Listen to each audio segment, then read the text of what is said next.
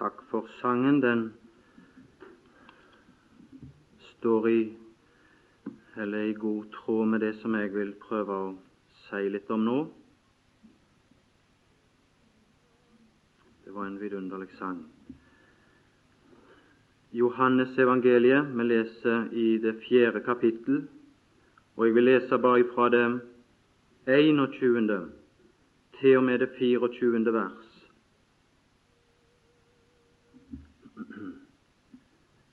Fra vers 21. Jesus sier til henne, Tro meg, kvinne, den time kommer da dere verken skal tilbede Faderen på dette fjellet eller i Jerusalem.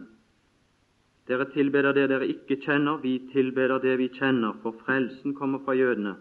Men den time kommer, og er nå, da de sanne tilbedere skal tilbede Faderen i ånd og sannhet, for det er sådanne tilbedere Faderen vil ha. Gud er ånd, og de som tilbeder ham, må tilbede i ånd og sannhet. Der står 'bør', men det er det samme ord som er i kapittel 3, der det står 'Dere må fødes på ny'. Det er ingen vei utenom. Dere må tilbede i ånd og sannhet.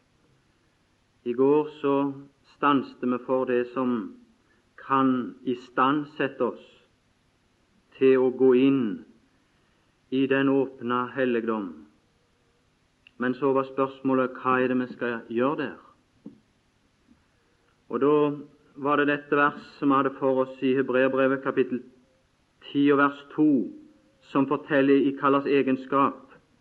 Det forutsettes at vi treder inn når vi etterkommer den oppfordring, da vi altså gir brødre i Jesu blod har frimodighet til å gå inn. Der i vers 2 sa jeg at den ofrende der er egentlig De aller fleste vil oversette det med de tilbedende, altså tilbederne. Du skal gå inn i helligdommen for å tilbe der. Her i Hebreerbrevet som vi stanset sist, er det kun én som kalles prest, og det er den Herre Jesus. Det er bare han som bærer navn av prest i hebreerbrevet. Men det er tydelig at disse som omtales her i forbindelse med ypperste presten, de omtales under bilder fra Det gamle testamentet knytta til prestenes innvielse. Så det er tydelig at den store prest han har sine med seg. Det er liksom Aron og hans sønner vi har her. Og hva er så en prestoppgave? Andre Mosebok kapittel 19, et uttrykk bare, der i det 22. vers også prestene, de som treder Herren nær, det å være prest, først og fremst. De som treder Herren nær. Og Så kan vi spørre hva skal de trede han nær for? Første Peters brev, kapittel 2 vers 5. Der står det om et hellig presteskap. Hva er det innvia til? Hva er dets oppgave? Og, Nå sier jeg at det er andre oppgaver når de er utenfor, men, men nå tanker vi på dette i helligdommen. Til å frembære og du er innvia, du, i kraft av denne innvielse som vi, har sett på. Du er innvia som prest til å frembære noe, og det er åndelige offer. Når vi finner den Herre Jesus der i Johannes 4, så synes jeg han ligner mye på den rollen som Moses spilte der i andre og tredje Mosebok. Moses fikk den oppgaven å innvie noen til å tilbe for Herren. Og den Herre Jesus her i Johannes 4, han er kommet han er kommet for å innvie noen til å tilbe Faderen. Hva er det å innvies for noe? Er det at jeg gir noe til Herren? Andre Mosebok vil jeg lese bare et vers. Andre Mosebok, kapittel 28, 41. Du må i grunnen lese hele det 28. og 29. kapittel og litt i tredje Mosebok hvis du skal få alt dette i sammenheng, men bare et kort vers om hva denne innvielse består i. Der står det med dette skal du kle Aron, din bror, men han skal ikke opptre i dette alene, og likeså hans sønner. Og du skal salve dem. Det har vi sett på at dere har en salvelse av Den hellige, alle, selv i minste i Guds familie, og fylle deres hender og hellige dem så de kan tjene meg som prester. Og Så står det ei lita stjerne fordi dette ordet innvia, det betyr å fylle hendene.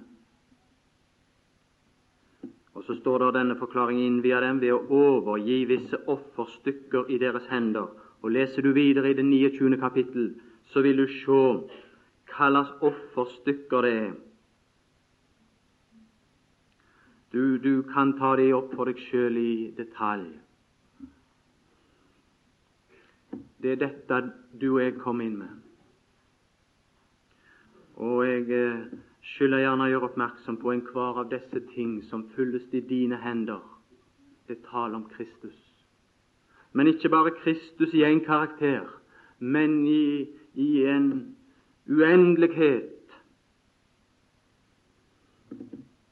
av herlige syner om den person fylles dine hender med.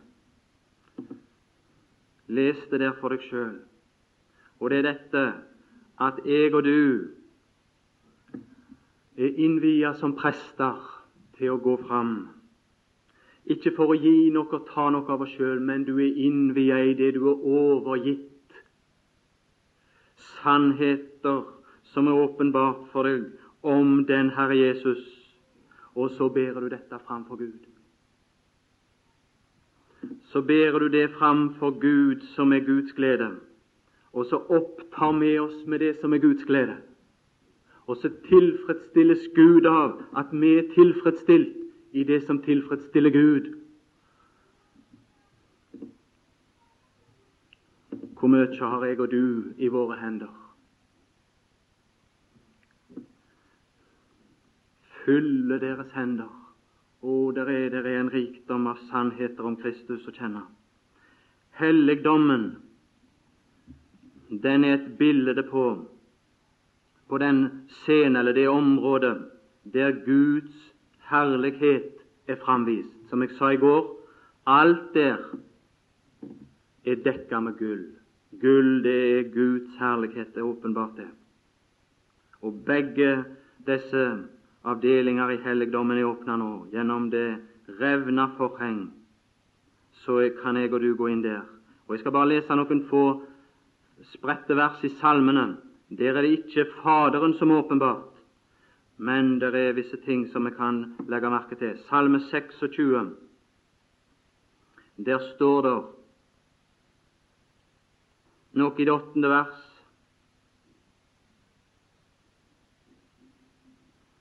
Herre, jeg elsker ditt huses bolig,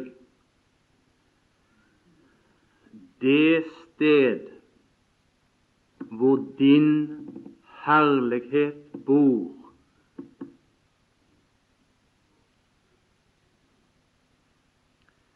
Er det noe livlig å være der å være skikka å være der, i det du har en fullkommen, uavbrutt fullkommen samvittighet til å kunne være der, der hvor Hans herlighet bor. Og Guds herlighet er Gud sjøl åpenbart og framvist. Det er der Gud stråler fram. Gud stråler fram i, i sitt vesen, sånn som han er framvist der, fullkomment åpenbart. Framvist i sitt vesen og i alle sine herlige egenskaper. Det sted hvor din herlighet bor. Og det er noe å gå inn i. Men så var spørsmålet er det så livlig å gå inn der. Se vers 27, eller Salme 27, selvfølgelig, og vers 4. Én ting har jeg bedt Herren om. Ikke en ting, altså og det kunne ikke tilfredsstille han sjøl. I den gammeltestamentlige tid så var det en her som hadde fått et sånt syn på Herren at han hadde én ting å be om, og det var det ikke bare han ba om sånn at det var liksom bare noe han sa, men det stunder jeg etter. Og det skulle jeg ønske at det kunne bli vakt en sånn lengsel i enhver av oss. Ved Den hellige ånd at vi fikk trang etter å bo der, etter å, å oppholde oss der, sånn som vi sang til å begynne med. I ditt samfunn, Herre Jesus, jeg av intet annet vet som kan gjøre meg så salig som å se din herlighet. Og her er stedet. At jeg må bo i Herrens hus alle mitt livs dager for å skue Herrens livlighet. Og du, Herren åpenbart i sin herlighet, det, det er livlighet. Ikke kan jeg si det, men du kan erfare det i din ånd om du går inn i helligdommen. Om du, om du skuer Hans herlighet, så vil det bli en livlig erfaring og grunne i Hans tempel. Et annet eksempel bruden i Høysangen 5 hun begynner å beskrive hans egenskaper, hans herlighet. Hun opptar seg med dem stykke for stykke og del for del, for det er en uendelighet. Den Herre Jesus er ikke sånn som alle andre, at du, du liksom en gang for alle blir kjent med han. Og nei, bare les hennes beskrivelse der i det femte kapittel, og så kommer hun til slutten, og så oppsummerer hun, og så sier hun alt ved ham er livlighet. Alt ved ham. Alt ved ham. Så alt du får se av ham, det vil bringe livlighet inn i ditt hjerte, og den livlighet kan du ikke beholde for deg sjøl. Se i andre Samuels bok, det 23. kapittel. Der er en omtalt under et spesielt navn. Han som har lest salmen av. Han får en tittel der i det første vers. Jakobs Gud salvede og Israels livlige sanger. Hvor tror du han hadde fått livligheten ifra? Og han hadde oppholdt seg i, i helligdommen. Han hadde oppholdt seg i helligdommen. Og Vi skal se et eksempel på det seinere. Herrens ånd taler gjennom meg, og Hans ord er på min tunge, og derfor er det livlig. Han hadde vært i helligdommen. Kan det bli noe annet resultat enn tilbedelse av å være der? Pris har mer forbindelse med det Herren har gjort for oss, mens tilbedelse har med det Gud er i seg sjøl. Det Gud har åpenbart seg som, det, det er ham sjøl vi er opptatt med der i helligdommen. Og det går utover, egentlig. Det ligger jo bak alle hans gjerninger, det han er. Og når du fatter det, så kommer du liksom til kilden for all velsignelse. Og så er du der, fullkomment tilfredsstilt i Hans nærhet, og så bærer du det fram og kan ikke holde deg for deg sjøl. Du blir òg en sånn sanger. Livligheten vender tilbake til det opphav som det kom ifra. Det, det er sånt det framstilles òg der i, i Johannes evangeliet. Det er, det er fordi du har kilden i deg, sånn som vi så i det 14. vers der i Johannes. Det er fordi du har kilden i deg, og du er fullkomment tilfredsstilt i det at kilden veller fram til evig liv, samfunn med Faderen og Sønnen. Og dette bærer du òg fram for hans åsyn i tilfredshet. Det sto noe som jeg òg vil nevne i det fjerde kapittel, i det 23. vers, så står det sådanne tilbedere vil Faderen ha. Men jeg, jeg vil rette på det òg, fordi det er ikke bare at han vil ha det, at han er passivt mottagende. Om noen skulle komme, så, så kan han gjerne ha det. Men det, det, er et helt mye sterkere ord som er brukt. Så egentlig så, så skulle det stått sådanne tilbedere søker Faderen. Han søker tilbedere. Og nå skal vi i morgen være samla til et måltid. Og det er egentlig et tilbedelsesmåltid for å ihukomme Han i en spesiell sammenheng i Hans død. Og du, Han søker tilbedere. Kanskje her er noen som er unge, som ikke har kommet til et sånt måltid før og deltatt der. Du, han søker deg. Han, han, han er så aktivt interessert i å få deg i sin nærhet. For får han deg i sin nærhet som en tilbeder, så får han deg tilfreds.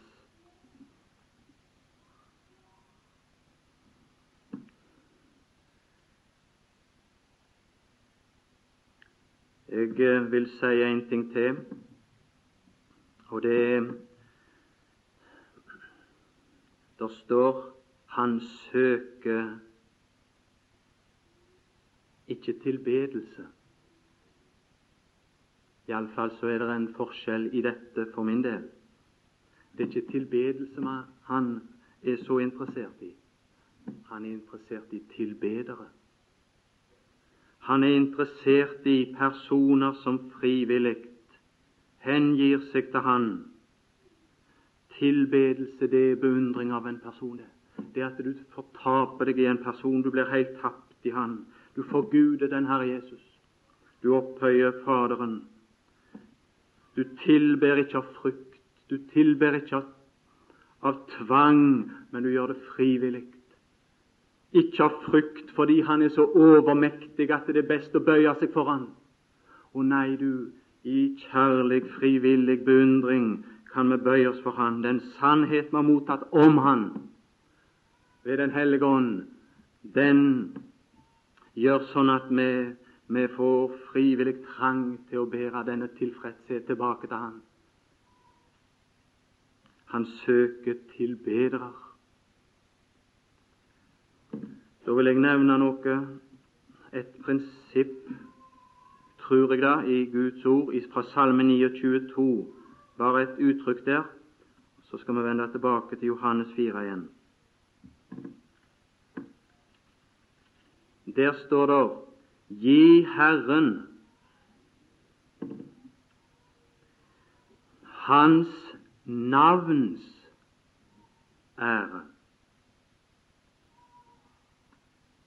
Nå er dette tilfellet at Herren han har mange navn, hvis du ransaker Bibelen. Han åpenbarte seg til Abraham som den allmektige, og Abraham tilba han som den allmektige. Jeg og du er ikke kommet for å tilbe Han som den allmektige, først og fremst. Israel fikk en åpenbarelse av Gud som Herren Javé, som gikk inn i paktforhold med de, og som knytta seg til de, og de ble stilt over for dette, at de skulle gi Han ære etter det navn han hadde åpenbart seg iblant de med. For deres tilbedelse var avhengig av den sannhet de kjente om Herren, og det var som Herren Javé. Og det taler vel om hans egenskaper mer, det. Men når jeg og du skal gi Herren Hans navns ære, så må vi tilbe Han etter den åpenbarelse Han har gitt av seg sjøl til oss. Selvfølgelig er det så at alle tidligere åpenbarelser av Gud når sitt toppunkt i kristendommens åpenbarelse av Gud, for nå er Gud fullkommen åpenbart. Så det reduserer ingenting, vi taper ingenting. Vi, med, oppsummere og innkassere, kunne du si, alle tidligere tiders åpenbarelse av Gud men Faderen søker å bli tilbedt i overensstemmelse med den åpenbarelse han har gitt av seg sjøl. Og hva er kristendommens åpenbarelse av Gud nå når Gud er kommet ut i lyset, fullkomment åpenbart? Guds åpenbarelse nå, det er som Fader. Han har åpenbart seg som Fader. Det er hans hjerte vi kjenner. Vi kjenner ikke bare hans arm og hans styrke og hans trofasthet og sånne ytre egenskaper bare, men du, han har blottlagt sitt hjerte. Og så søker han at jeg og du skal komme til han i tilbedelse, ikke som den fjerne, utilnærmelige, som de, de hadde i Det gamle testamentet, men som Faderen. I den forbindelse som jeg og du allerede har med Faderen, i kraft av ny fødsel, Men det er én ting til jeg ville nevne, og det er det Det er forbindelsen, og den vil jeg si litt om etterpå. Men det er det at Gud er nå åpenbart i sin natur. Og det 24. verset i Johannes evangeliet sier oss Gud er ånd. Det er Guds vesen. Gud er ånd, og det får visse konsekvenser for tilbedelsen. Det Det nytter ikke å tilbe Gud i en selvvalgt dyrkelse. Gud mottar ikke sånn tilbedelse. Men Gud er ånd, og de som tilbeder ham, som jeg sa, de må tilbede i ånd.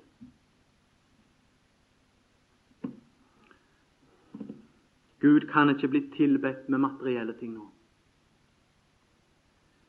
Gud må bli tilbedt i ånd, og det vil si han må bli tilbedt i samsvar med, i overensstemmelse med sin sanne natur og åndelig tilbedelse som her er framstilt, det er kontrast til alle seremonier, alt ytre vesen, ritualer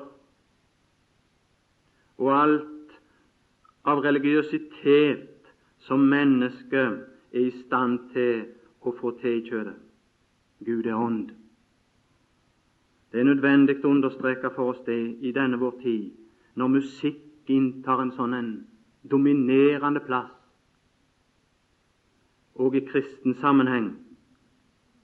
Musikk, bare musikk ofte. Det henvender seg til menneskets sjelsliv.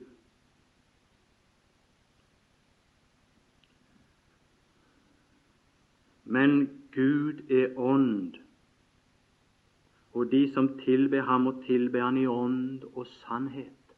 Du, Det nytter ikke med over øredøvende Musikk, styrke i musikk, det er ikke tilbedelse Gud godtar og mottar. Gud er ånd, og vi må tilbe Han i ånd. Og vårt åndsliv, sier Bibelen, det oppreholdes ikke av annet enn ord ifra Herren. Du kan se det i Isaias 38, 16. Alt mitt åndsliv. Ikke noe, så er det godt med noe som kan kvikke opp dette mennesket som kanskje kan være tregt til å gå og tilbe Gud. Nei, det nytter ikke det. Det er forgjeves. Gud lar seg ikke tilbe på den måten. Tilbedelse skal ikke drives fram av musikk, av rytme, som henvender seg til menneskets sjelsliv. Men hva er det som skal drive fram tilbedelsen? det er sannheten. Ved Guds ånd den skal drive dette fram. Du kan bare ta et eksempel. I Efeserbrevet kapittel 5 der har du det sånn som jeg tror det må være. Ikke sier jeg at, at ikke det kan være noe som er fin musikk, men det har ingenting med Guds tilbedelse å gjøre. For det har med vårt sjelsliv Du kan ledsage sangen ved musikk, det er så, men den skal nå ikke være det som skal drive fram tilbedelsen. Der står det i slutten av det 18. vers men blir fulgt av Ånden.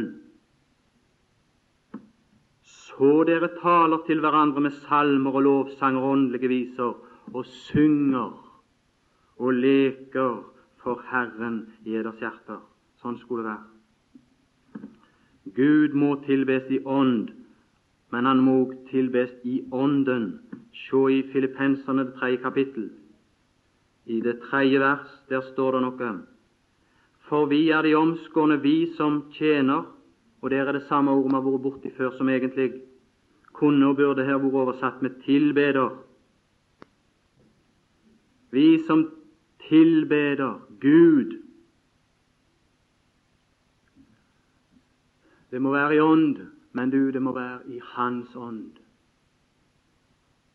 I tillegg vår ånd må bli styrka og veileda i Den hellige åndskraft. Vi er de omskårne. Det er dette Paulus har fått seg her. Religiøsitet, kjødelig religiøsitet. Og setter ikke vår lite kjød, sier han i slutten av verset. Det er ikke syndig kjød han taler om her, egentlig. Men det å sette sin lit til kjød i forbindelse med religion Bare se lenger nedover i versene. Enda jeg har det jeg kunne sette min lit også i kjødet, sier han, og så begynner han å regne opp en del religiøse privilegier. Men du, det er vi som er de omskårne. Det er vi som er Herrens folk, vi som tilber Gud i Hans ånd. Ja, men hvordan kan vi skjelne mellom religiøsitet som, som kan få en sånn ytre fin framstilling, sjøl i kjød? Hvordan, kan disse skjelnes fra hverandre? Vi er de omskårne.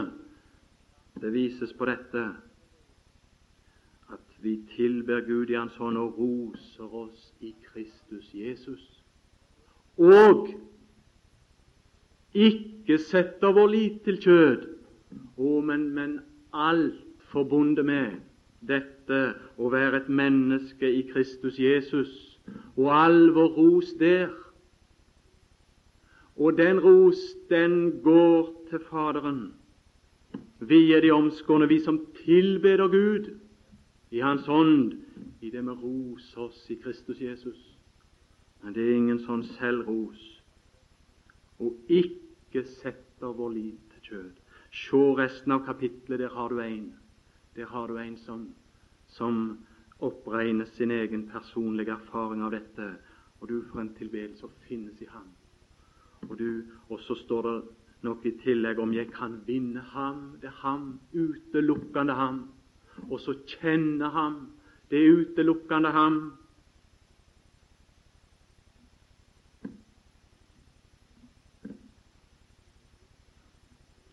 Så var det den andre ting jeg må få nevne, og det var, det var dette at det skal tilbe i ånd og i sannhet. Én ting var Guds vesen og natur, som nå er fullkomment åpenbart, men så var det å tilbe Gud i sannhet, og det tror jeg må være å tilbe Gud i samsvar med sånn som Han har åpenbart seg nå. Og kristendommens åpenbarelse av Gud, det er Faderens åpenbarelse i Sønnen. Og det er det egentlig Johannes evangeliet for det meste dreier seg om. Faderen. Hvor mye kjenner jeg og du Faderen? Iallfall kjenner jeg på mitt liv at jeg kjenner så lite av Faderen. Katolikkene de vet med de våger ikke nærme seg den Herre Jesus, for de har den forestilling at han er den utilnærmelige, den fjerne, den kommende strenge dommer. Men så er det så at de har tiltro til Maria, for hun har et varmt hjerte for, eh, for syndere, og, og hun er ømhjerta. Og så har hun gjerne en eh, sånn overtalelsesevne i forbindelse med sønnen. da. Så de går til Maria. De går ikke direkte til den Herre Jesus. Men jeg tror at vi som ikke er katolikker, vi har en tendens til dette at vi, vi tenker som så Den Herre Jesus, det er greit. Han vet vi elsker oss. Han føler vi oss tiltrukken av. Men Faderen, han er litt fjernere for oss. Jeg tror det er ikke som få som gjerne kjenner det sånn. Men det skulle og behøvde ikke være sånn vi kunne lære han mer å kjenne. Nå skal ikke jeg ta tid og lese noe mer enn noen få vers. Vi går til Johannes 17.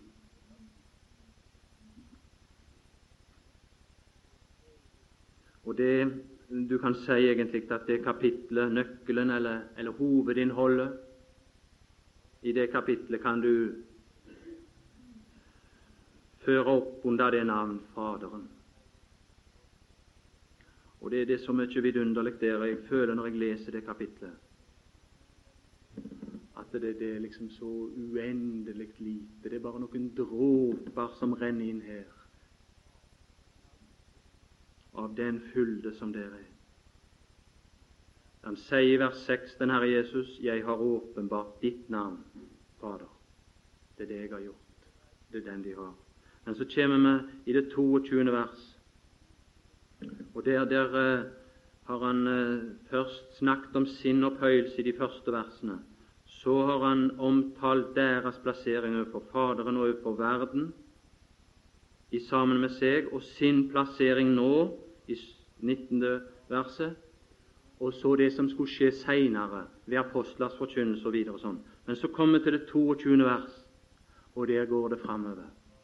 Og så sier han og den herlighet som du har gitt meg, den har jeg gitt dem, for at de skal være ett like som vi er jeg i dem og du i meg, for at de skal være fullkomment ett, så verden kan kjenne en dag så skal jeg og du åpenbarast i samme herlighet som Guds sønn, sånn at verden skal få et skue.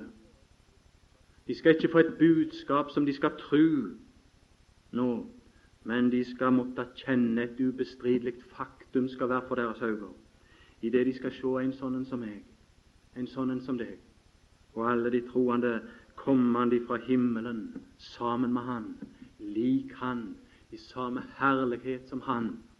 Da skal de kjenne. Hva er det de skal få kjenne da? Og dette er helt framtidig, det vet vi, at du har utsendt meg, og at du, Fader, har elsket dem like som du har elsket meg.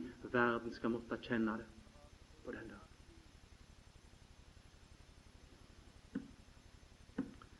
Til synekomsten i herlighet med Han skal bevise det. At det er sant. Men det er noe som er enda rikere enn det. Du kunne tenke dette måtte være det ypperste det som ingenting kunne overgå. Men se i det 24. vers. Der tror jeg det, det er overgått, egentlig.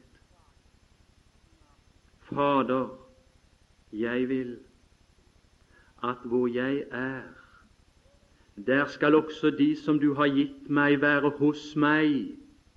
Det, det er ikke åpenbarelse for verden nå. For at de skal se min herlighet som du har gitt meg, fordi du har elsket meg før verdens grunnvoll ble lagt. Og dette må være en herlighet større, annerledes enn den som er nevnt ovenfor. Og det er det bare de som er begunstiget til å få komme der som Han er, som skal få denne åpenbarelse av Hans herlighet. Vi skal få se Hans herlighet hos Han, i Hans nærhet. Og det er en herlighet som du har gitt meg, å, men det er begrunna i noe. Det hadde en begrunnelse fordi du har elsket meg før verdens grunnvoll ble lagt. Og jeg tenkte lenge at det som han omtaler overfor Faderen som, som Faderen hadde gitt han fordi Faderen elsket han fra før verdens grunnvoll ble lagt. Det, det var bare det. Nå er, er, får du se hva du kan se i dette vers, men det står noe annet òg i dette vers, som er Han gitt og som jeg iallfall begynner å tro må, må være begrunna i den samme evige kjærlighet. Der skal også de som du har gitt meg, være hos meg. De var også gitt. Og så var det herligheten som var gitt, og så kommer begrunnelsen. Og jeg tror sikkert det dekker begge de to delene. Og du tenker å få se Hans herlighet i en scene som verden vil bli utelukka ifra.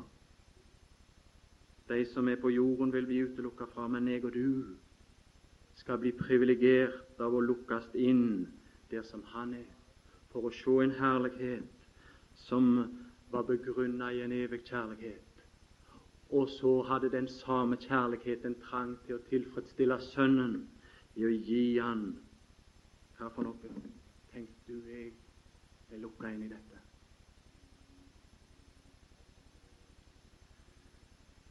Så kunne vi si det er bare framtidig, dette jo.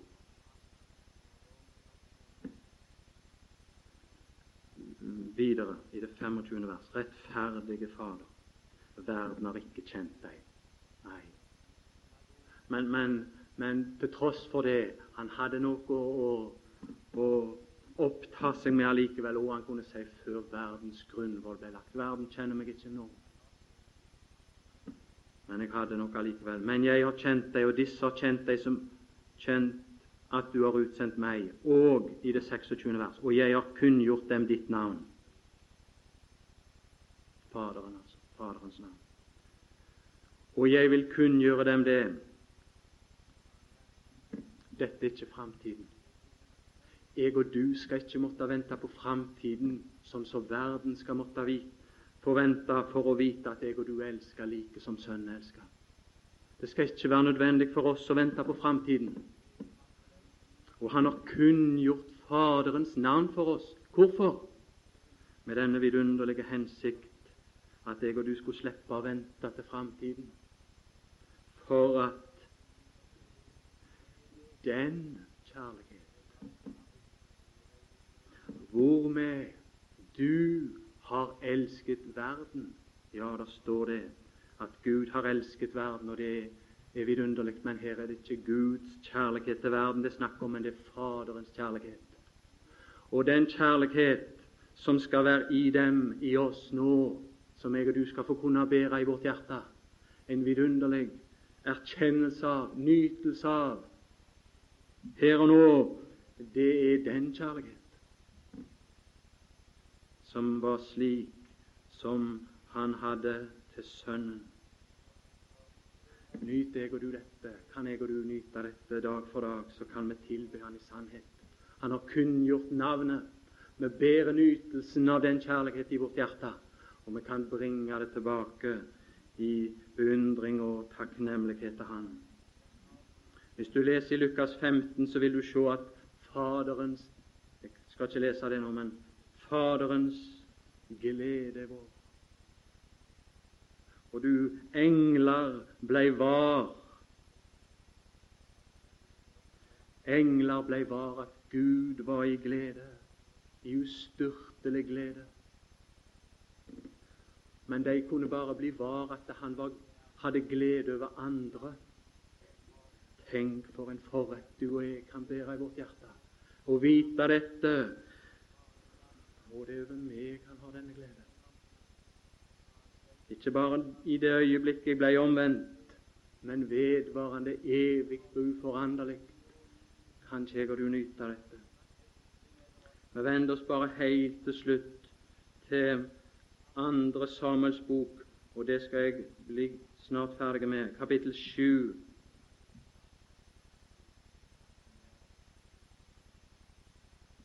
Og vers 18 kan vi bare Eller la oss ta 17. 7.17 i andre Samuels bok, et eksempel, noe av det fineste, syns jeg. Selv om David ikke kjente Faderen, så hadde han vært i helligdommen og tilbedt Gud etter den åpenbarelse han hadde av Herren. Men det står alle disse ord. Ser du det? Det må ord til. Det er bare det som kan drive fram tilbedelse. Og så er det Den hellige ånd som bruker dette. Og hele dette syn bar Natan frem for David. Og du og meg og du har fått et syn gjennom Guds ord ved Den hellige ånd. Så vil det få en virkning i vårt liv. Og Den første og den største virkning det er den som vi leser om videre i Davids tilfelle.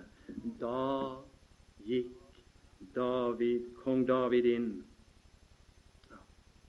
Når han fikk et syn, så gikk han inn. Og ble Og du må, du må i stillhet betrakte ham, sånn som vi sang. Du må, ikke, du, må ikke, du må gi deg tid og ble der inne for Herrens åsyn.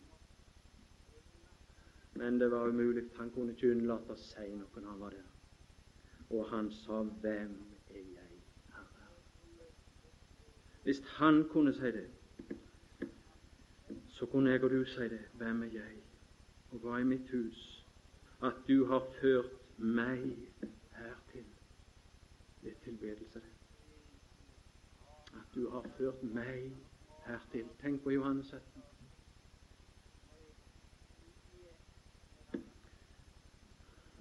Og så kommer det, og du, det synes jeg er vidunderlig.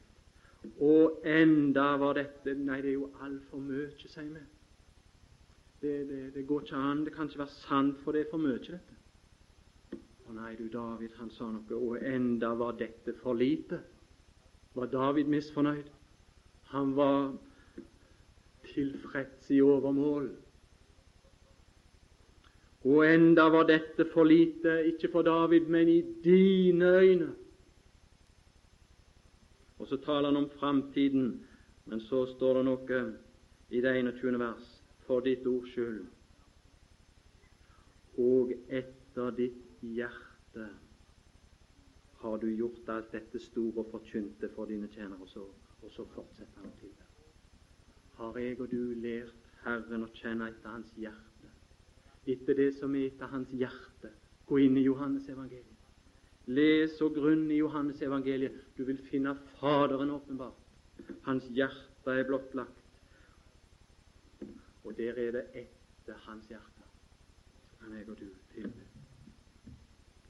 Herre Jesus, vi vender oss i ditt navn til deg, du vår Fader, og må tilbe deg i det vi kommer i hu. Hvem er jeg? At du kunne føre meg og enhver av oss her til. Og at, at, vi kunne tilfredsstille ditt hjerte. Du sa 'gi meg å drikke', sa du. Og at vi kunne tilfredsstille din tørst i at vi, vi kom inn og blei der. Velsign oss for ditt navns skyld. Amen.